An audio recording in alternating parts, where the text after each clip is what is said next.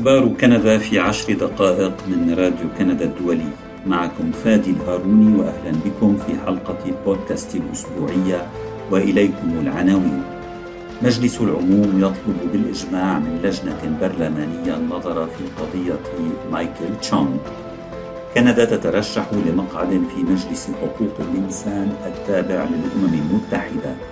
وتريدو يدافع مجددا عن هدف الخمسمائة ألف مهاجر سنويا.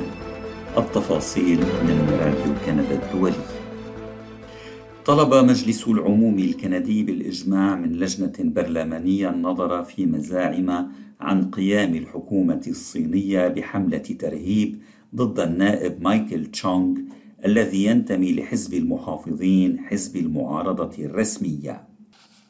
وصوت النواب الحاضرون البالغ عددهم 319 يوم الأربعاء لصالح اقتراح قدمه المحافظون يوم الاثنين يطلب من لجنة الإجراءات في مجلس العموم النظر فيما إذا كانت دولة أجنبية قد انتهكت الامتياز البرلماني لتشونغ.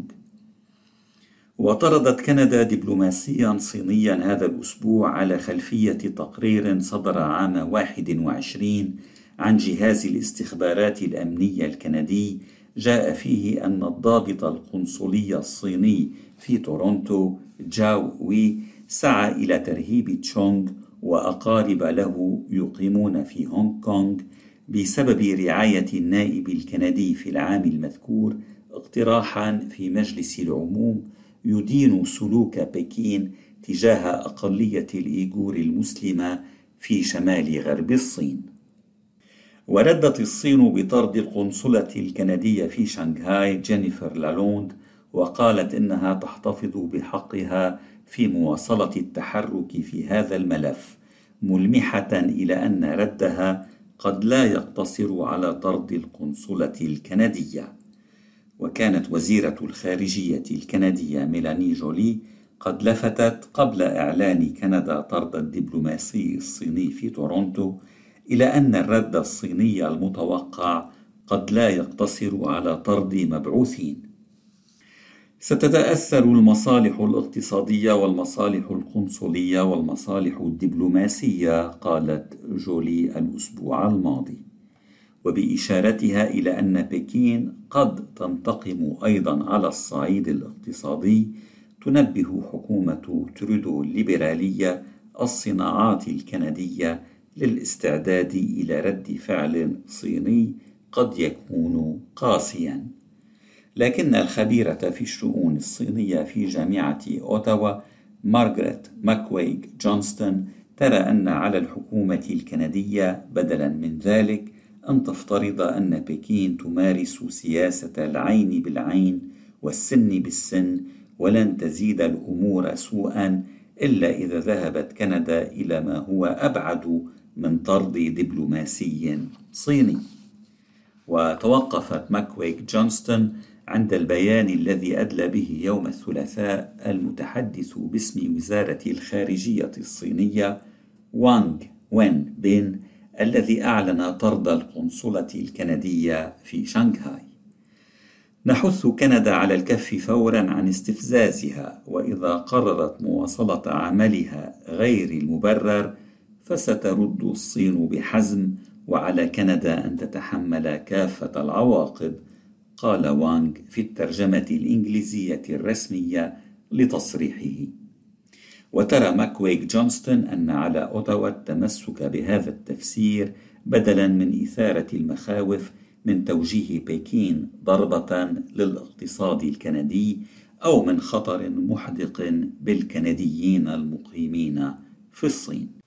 يمكنك الاشتراك في أخبار كندا باستخدام التطبيق الذي تختاره أو عن طريق زيارة موقعنا على الإنترنت راديو تريدونيون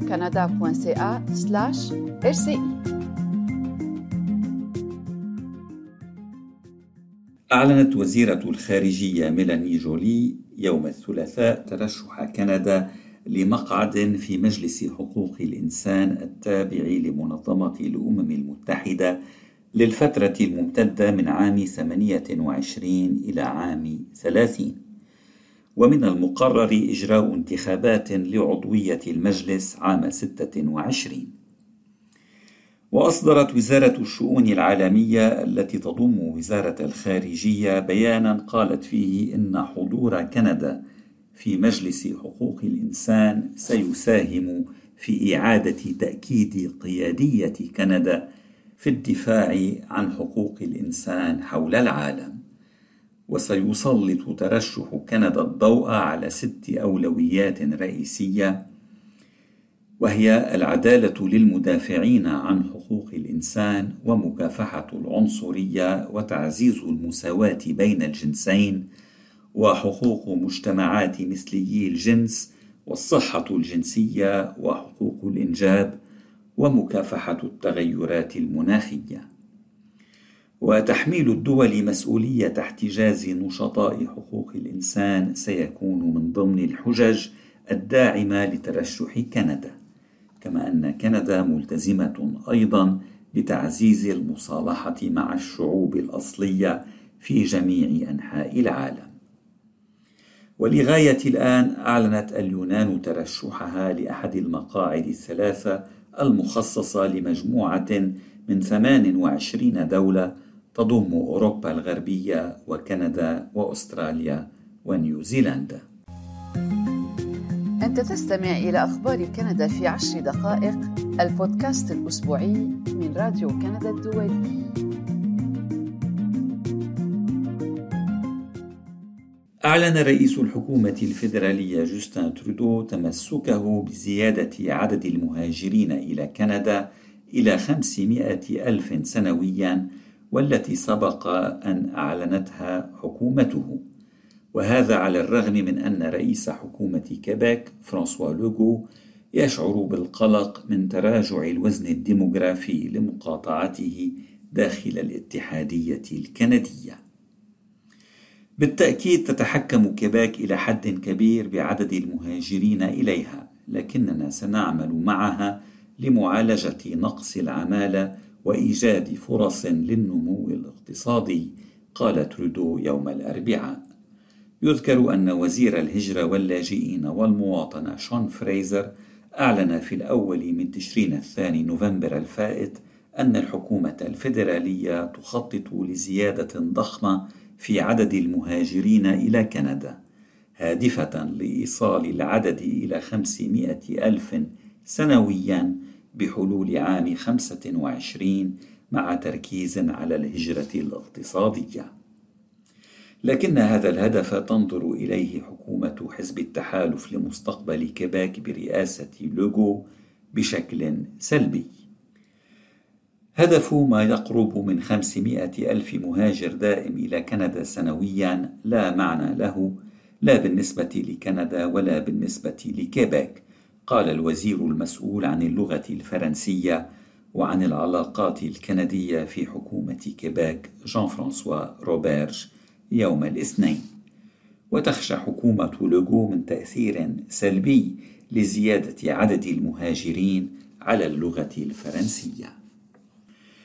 أقرت ساسكاتشوان قانونا لإنشاء وكالة إيرادات خاصة بها. في خطوة تريد منها هذه المقاطعة الواقعة في غرب كندا تأكيد استقلاليتها تجاه الحكومة الفيدرالية لا سيما فيما يتعلق بالإشراف على الموارد الطبيعية.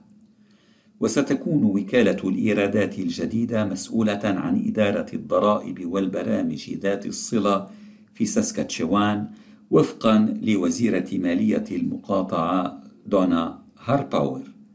وبموجب القانون الجديد تتولى المقاطعة الاهتمام بجزء من نظام ضريبة دخل المؤسسات الذي تديره الحكومة الفيدرالية حاليا. أعتقد أن ما نقترحه هو تغيير مهم بنسبة كافية قالت الوزيرة هارباور يوم الأربعاء. وبمجرد دخول القانون حيز التنفيذ في أيلول سبتمبر سيتعين على المؤسسات في ساسكاتشوان ملء إقرارين ضريبيين أحدهما فيدرالي والآخر خاص بالمقاطعة. حلقة البودكاست لهذا الأسبوع انتهت. شكرا لإصغائكم.